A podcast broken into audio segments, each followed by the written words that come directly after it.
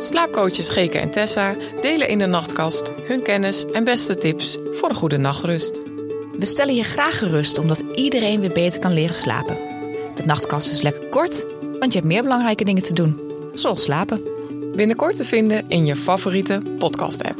De Nachtkast. De podcast van de Slaapgids.